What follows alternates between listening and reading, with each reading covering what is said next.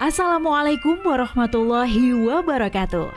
Alhamdulillah kawan, pagi hari ini saya Fitriana Ayu yang bersama Anda di program Dialog Fajar. Tentu sudah hadir di studio ada Ustadz Muhammad Toha Masun dari pesantren Al-Quran Nurul Falah, Surabaya. Assalamualaikum Ustadz Toha. Waalaikumsalam warahmatullahi wabarakatuh Mbak Ayu.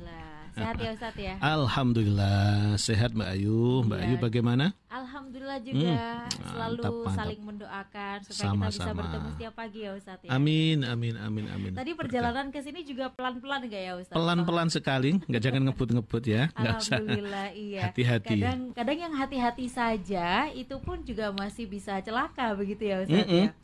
Ya, Apalagi setelah akhir-akhir ini kan juga ada istilah apa ya meme di media sosial itu yang pelan-pelan Pak Sopir. Nah. nah, kalau dalam sudut pandang Islam itu Ustaz Toha, apa ya yang bisa kita ambil begitu dari kalimat itu saja? Iya iya betul. Monggo selengkapnya hmm. bersama Ustadz Muhammad Toha Mas. Terima kasih Mbak Ayu waktunya. Alhamdulillahirabbil alamin. Wassalatu wassalamu ala asrafil anbiya'i wal mursalin sayyidina wa maulana Muhammadin wa ala alihi wa ashabi ajma'in amma ba'du.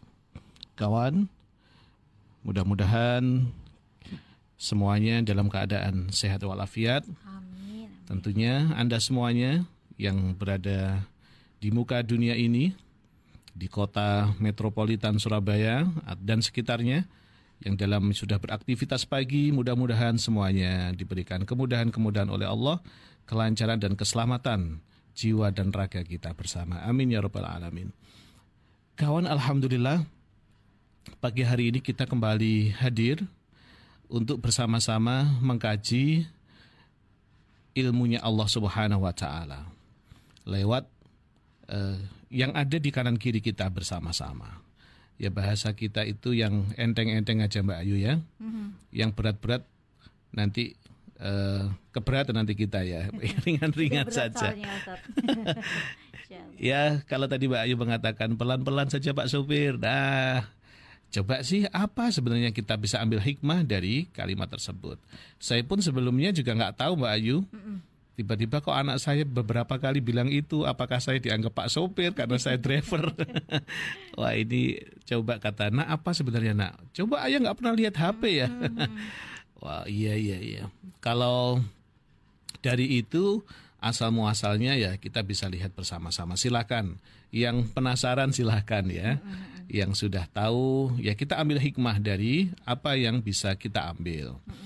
Kawan, kalau kita ambil sepetik saja pelan-pelan itu berarti kita hati-hati. Hmm. Seperti hanya Mbak Ayu tadi di awal di previs sudah mengatakan pelan-pelan kita tadi berjalan ke sini ke suara Surabaya. Mm-hmm. Tentunya dengan penuh hati-hati.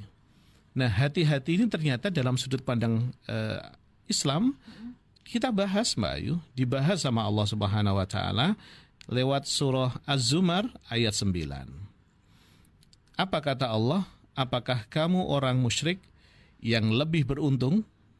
Nah. Begitu ya. Apakah engkau yang lebih beruntung ini orang e, tentunya orang yang bersyirik atau musyrik kepada Allah Subhanahu wa taala ataukah orang yang berada pada waktu malam dengan sujud dan berdiri sedangkan ia senantiasa cemas dan selalu khawatir akan azab akhirat dan berharap rahmat Tuhannya yaitu Allah Subhanahu wa taala. Di sini adalah ayat yang memberikan pelajaran bagi kita semua yang menyajikan bagi kita semuanya untuk selalu mawas diri. Hati-hati ya. Hati-hati itu sangat banyak sekali ya. Hati-hati itu apa bahasa Inggrisnya, Mbak Ayu? Mesti mau be careful ya. Bukan hati-hati ya. ya. be careful. Kalau bahasa Arabnya bukan kolbun kolbun yang pasti ya. Oh, iya. Hati-hati. Mawas diri kawan. Mawas diri bisa pada kehidupan kita, bisa keseharian kita, bisa dalam kawan-kawan berkendara, bisa Anda semuanya dalam uh, perum, di rumah, sedang di rumah, sedang di kantor, semuanya harus hati-hati. Hmm. Mawas diri selalu apa kata Bang Nabi? Waspada. Waspada. Tapi Bang Napi sudah nggak ada ya sekarang ya, Iya. Pak? Syuting di mana? Syuting di dia? mana? Tapi kalimatnya selalu teringat. ya, Masih Ustaz teringat ya. kita ya, harus waspada. Mhm. Waspada, hati-hati. Nah, implementasinya seperti apa kawan? Implementasinya itu kita mawas diri itu sebagai wujud kita syukur kepada Allah Subhanahu wa taala. Jadi akhirnya eh, kehati-hatian itu kalau dalam surat Az-Zumar tadi ayat 9 itu kehati-hatiannya takut sampai nanti dirinya menjadi azab di akhirat kelak. Atau lebih lebih kerennya ya disiksa begitulah ya, disiksa. Jangan sampai kawan. Kehati-hatian hidup kita itu harus hati-hati, jangan sampai hidup kita itu nanti di akhirat akan diazab oleh Allah Subhanahu wa taala. Naudzubillah. Maka kata Allah, apakah yang beruntung itu orang musyrik gitu ya. Orang yang tidak tidak menyembah Allah, tidak menyekutukan Allah atau orang yang selalu mawas diri, dirinya selalu bersujud di tengah malam, di sepertiga malam, dia khawatir cemas, khawatir kalau dirinya nanti diadab oleh Allah Subhanahu wa taala, disiksa di akhirat. Maka harapan kita sebagai mukmin adalah rahmat atau kasih sayang dari Allah Subhanahu wa taala. Kawan, apa implementasi kita itu sebagai mawas diri, sebagai wujud kita bersyukur? Tentunya agar kita tidak diadab atau dimurka oleh Allah Subhanahu wa taala. Sahabat-sahabat dulu telah memberikan contoh, Mbak Ayu. Contohnya itu karena saking was-wasnya, bukan was-was ya. Kalau was-was itu apa ya? Lebih ke arah ragu-ragu. Tapi kalau khawatir, mawas diri, hati-hati, itu para sahabat sudah memberikan contoh. Utsman bin Affan contohnya kita ambil contoh saja. Kok terlalu jauh Pak atau ya nggak apa-apa lah ya. Yang karena yang bisa kita ben aman gitu ya. Kalau saya pribadi nanti kira sombong. Ah, iya. Ngambil tokoh yang lain nanti anu pencitraan ya. Kita ambil yang agak jauh. Utsman bin Affan banyak membaca Al-Qur'an. Beliau itu paling banyak membaca Al-Qur'an dan qiyamul lailnya. Dan bahkan diri- diriwayatkan yang lain kalau Utsman bin Affan ini dalam Qiyamul Lail itu khatam 30 juz. Masya Allah. Coba kita bayangkan. Baru tarawih satu juz per malam saja sudah nggak ada jamaahnya ya. kita pilih yang tercepat Mbak Ayu ya. Mm-mm, Kita kan- bergeser ke mall-mall gitu. Karena ya Alhamdulillah masih banyak penggemar bagi yang eh, memang benar-benar kepingin menyimak bacaan-bacaan Al-Qur'annya.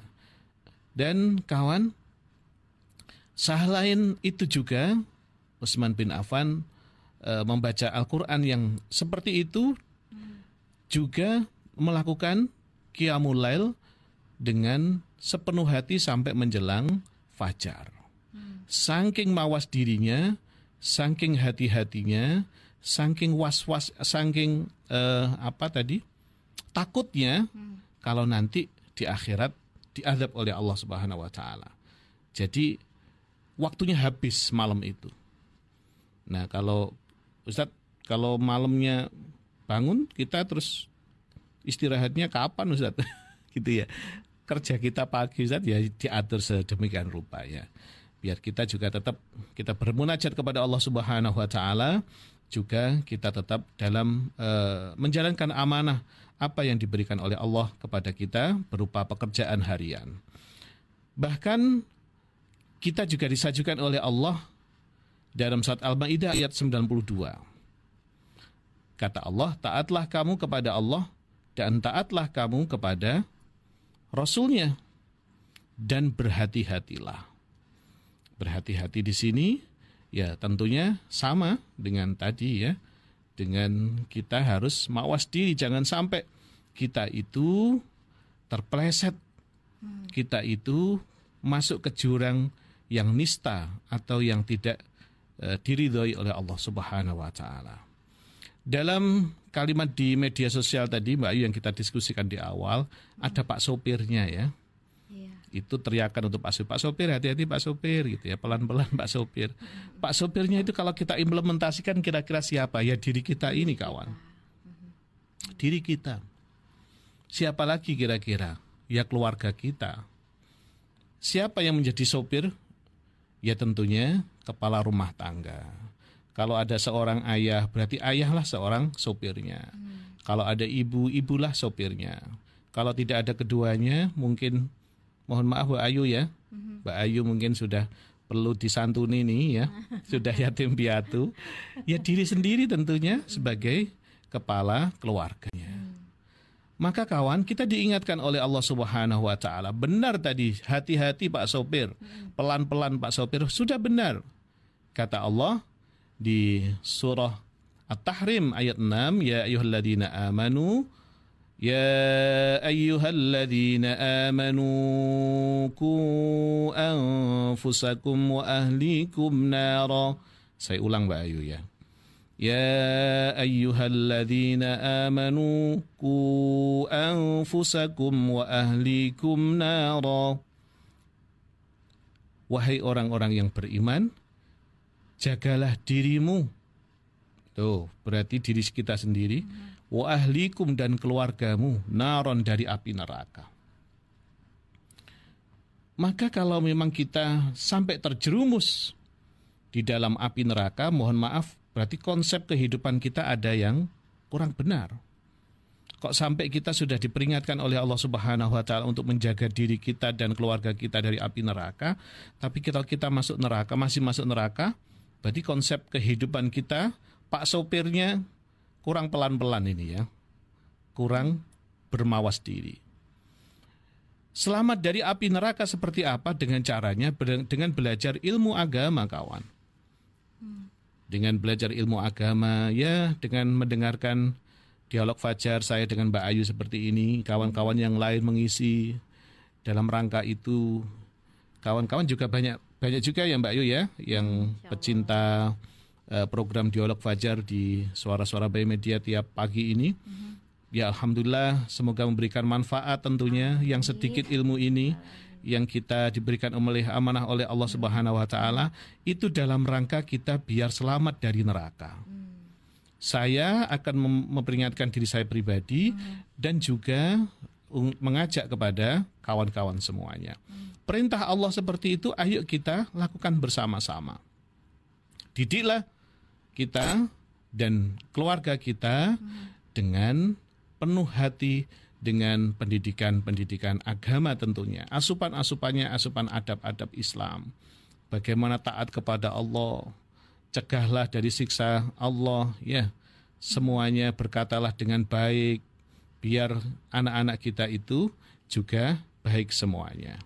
Maka kawan, subhan uh, maka kawan kata orang salaf ulama salaf itu mengatakan ya kalau babnya adab adab dan bakti ayah kepada anak itu ada tersendiri. Ya, ada tersendiri. Jadi ada babnya seorang ayah baktinya kepada anak. Bahkan ulama salaf mengatakan kesolihan anak itu dari Allah Subhanahu wa taala. Akan tetapi adab anak itu dari seorang ayah atau seorang pak sopir tadi ya.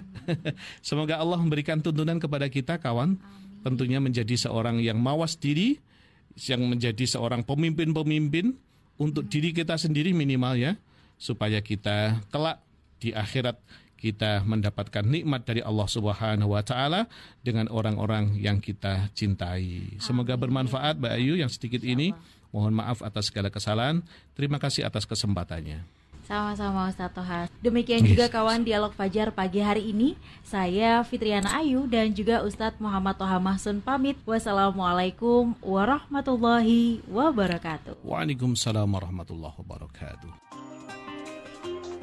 Program Dialog Fajar yang baru Anda simak kerjasama Suara Surabaya dan Pesantren Al-Quran Nurul Falah Surabaya, lembaga dakwah yang amanah, profesional, dan berbasis Al-Quran Pesantren Nurul Falah mencetak guru-guru Al-Quran dengan metode tilawati dan tafidz Al-Quran. Informasi dan pemberian donasi hubungi 031 828 1278 atau nurulfalah.org.